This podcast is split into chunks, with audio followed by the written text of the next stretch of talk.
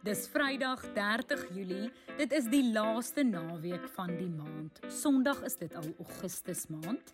Maar voordat jy Julie vaarwel kan roep, wil ek jou net gou op hoogte bring van alles wat jy moet weet hier in jou weeklikse bondige nuusoorseig met my, Jaspies.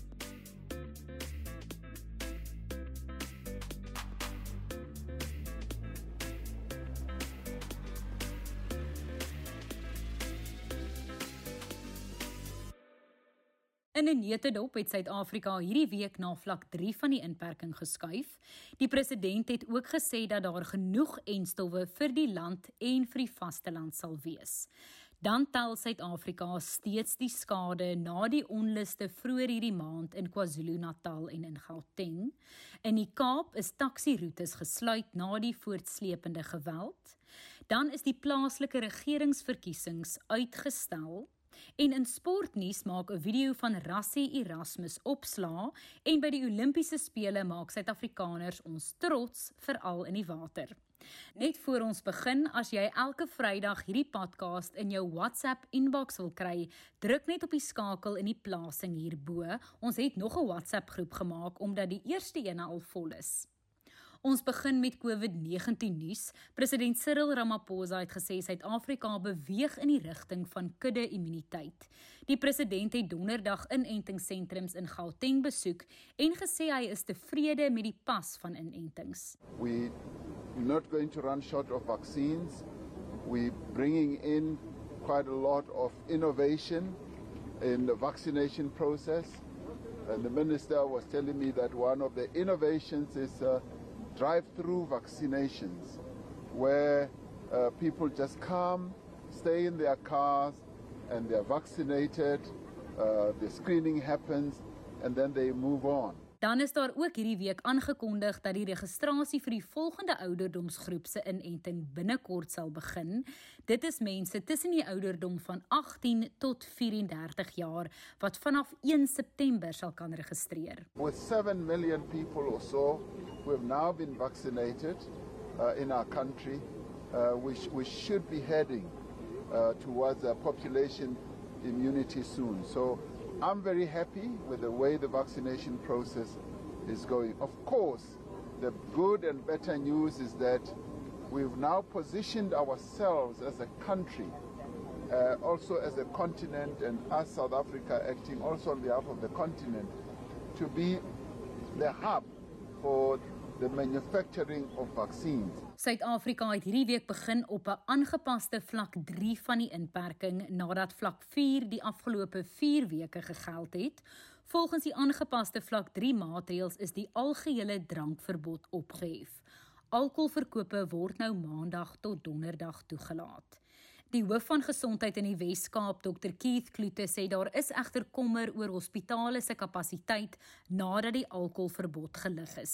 Die provinsie het donderdag 'n rekordgetal nuwe infeksies aangemeld. The challenge although for us is the recent adjusted level 3 now allows for the partial availability of alcohol from Monday to Thursday this week.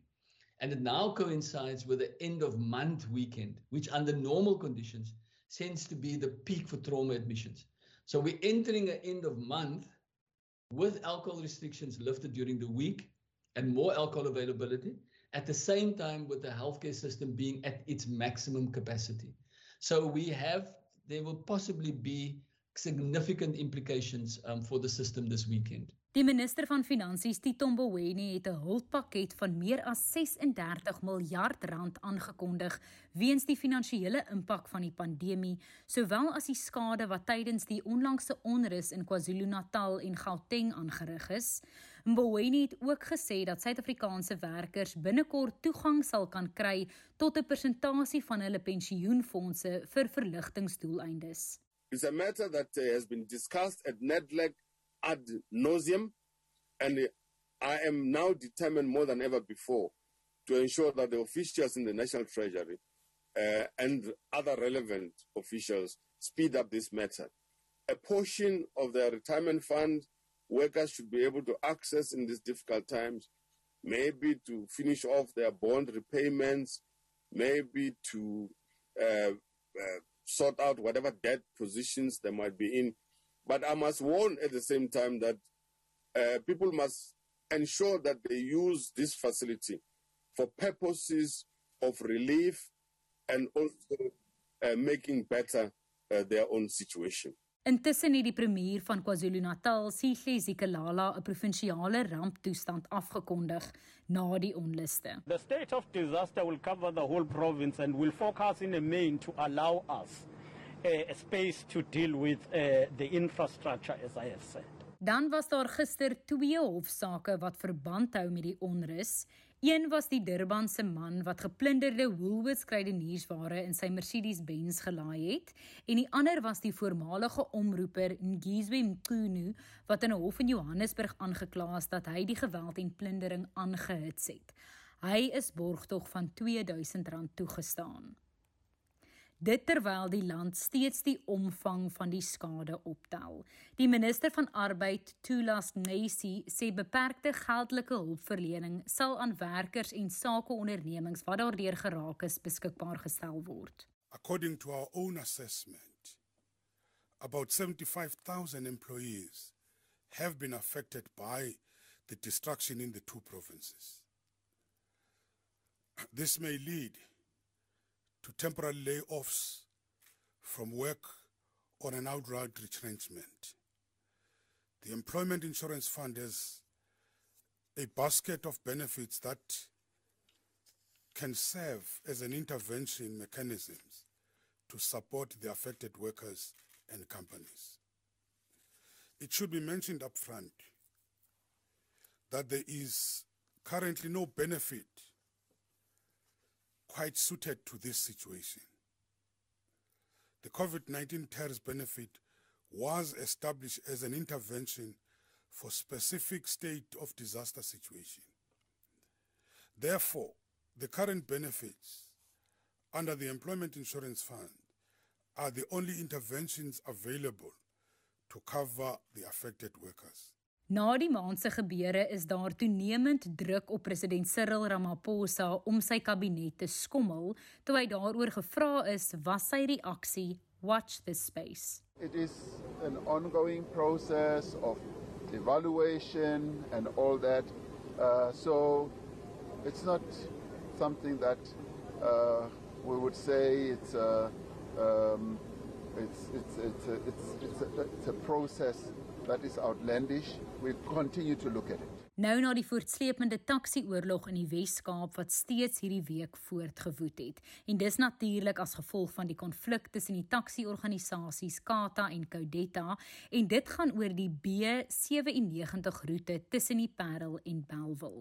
Na meer as 20 sterftes hierdie maand is die roete maandag deur die provinsiale vervoer departement gesluit, wat beteken dat hierdie verenigings vir 2 maande nie hierdie roete mag gebruik nie. Die polisieminister Bekkie Cele het hierdie week die brandpunte besoek en hy het gesê die bemiddelingsproses duur voort. The Minister of Transport is leading the discussions and the negotiations with the with the associations. We have not been invited to come and be part of those negotiations. What you have been requested, especially the ministers of security, we were all here yesterday, intelligence was here, defense and myself were here, to make sure that the gazette of shutting down the, uh, the, the routes uh, from Belleville to, uh, to, to Megweni and others is implemented. In ander nuus het die verkiesingskommissie die beplande plaaslike regeringsverkiesing wat in Oktober sou plaasvind uitgestel en dit moet nou nie later as Februarie aanstaande jaar gebeur. Die voormalige adjunkhoofregter Dikgang Motsenetjie het namens die kommissie ondersoek ingestel om te bepaal of vry en regverdige verkiesings tydens die COVID-19 pandemie gehou kan word. Hy het aanbeveel dat die verkiesings eerder uitgestel moet word en die OVK voorsitter Glen Mashinini sê hierdie aanbeveling is aanvaar. The commission in response unanimously accepts the findings of the Motsenetjie report. In particular, the Commission notes the rational and central thesis of the report that community immunity through mass vaccination must be considered as a desirable step in the conduct of a safe, free and fair elections in the Republic. Nou na sportnuus, 'n video waarin Suid-Afrika se direkteur van rugby, Rassie Erasmus, galbraak oor hoe die skeieregter die Springbokke behandel het in verlede naweek se stryd teen die Britse en Ierse leeu's veroorsaak opskudding. In hierdie uurlange video wat op sosiale media versprei is, wys Erasmus onder meer videogrepe van beslissings deur die blaser Nick Berry en sy mede-wedstrydbeamptes waarmee Erasmus nie tevrede is nie. Hy maak dit ook in die video duidelik dat hy hierdie opname in sy eie hoedanigheid gemaak het en bereid is om tersyde te staan as lid van die span se bestuur. If you think this was going over the top and this shouldn't go out to the media, then I did this in my personal capacity, not as part of the Springboks uh, and I'll I'll I'll withdraw myself from the Springbok management team. Uh thank you. Nou na Tokyo vir uitstekende nuus van die Olimpiese spele. Suid-Afrika het vanoggend 'n nuwe Olimpiese kampioen opgelewer. Dit is natuurlik die swemmer Tatjana Skoenmaker wat Vrydagoggend in die eindronde van die 200 meter borsslag goud gewen het. Sy het ook die rekord gebreek toe sy in net meer as 2 minute en 18 sekondes hierdie item voltooi het. Chikanova lose the bronze. Look at the reaction. Wow, these are the images are going to echo around the world because it's a terrific performance from the South African and really one of the standout performances of Tokyo 2020. Haar landgenoot Kylien Kolbit het in die 5de plek geëindig. Dan het nog 'n Suid-Afrikaner ons baie trots gemaak by die spele hierdie week en dit is die Victoria Bay branderplankryer Bianca Buitendag wat Olimpiese geskiedenis gemaak het toe sy 'n silwer medalje vir branderplankry gewen het. I just love my God and I love my country and I love its people so much and um just thought this was my way of contributing to a certain extent. Net kort in buitelandse nuus, 'n tsunami waarskuwing is donderdag vir die suide van Alaska uitgereik na 'n aardbewing wat 8,2 op die Rigterskaal gemeet het, die Alaska skiereiland getref het. Dan eindig ons op 'n donker ligte noot. Showmax se eerste ware misdaaddrama, Devilsdorp, het hierdie week op Showmax begin wys. Dit gaan oor die opspraakwekkende Kreersdorp afspraakmoorde. Glo my, jy gaan al 4 episodes binge nes ek. Hier is 'n uittreksel van die lokprent.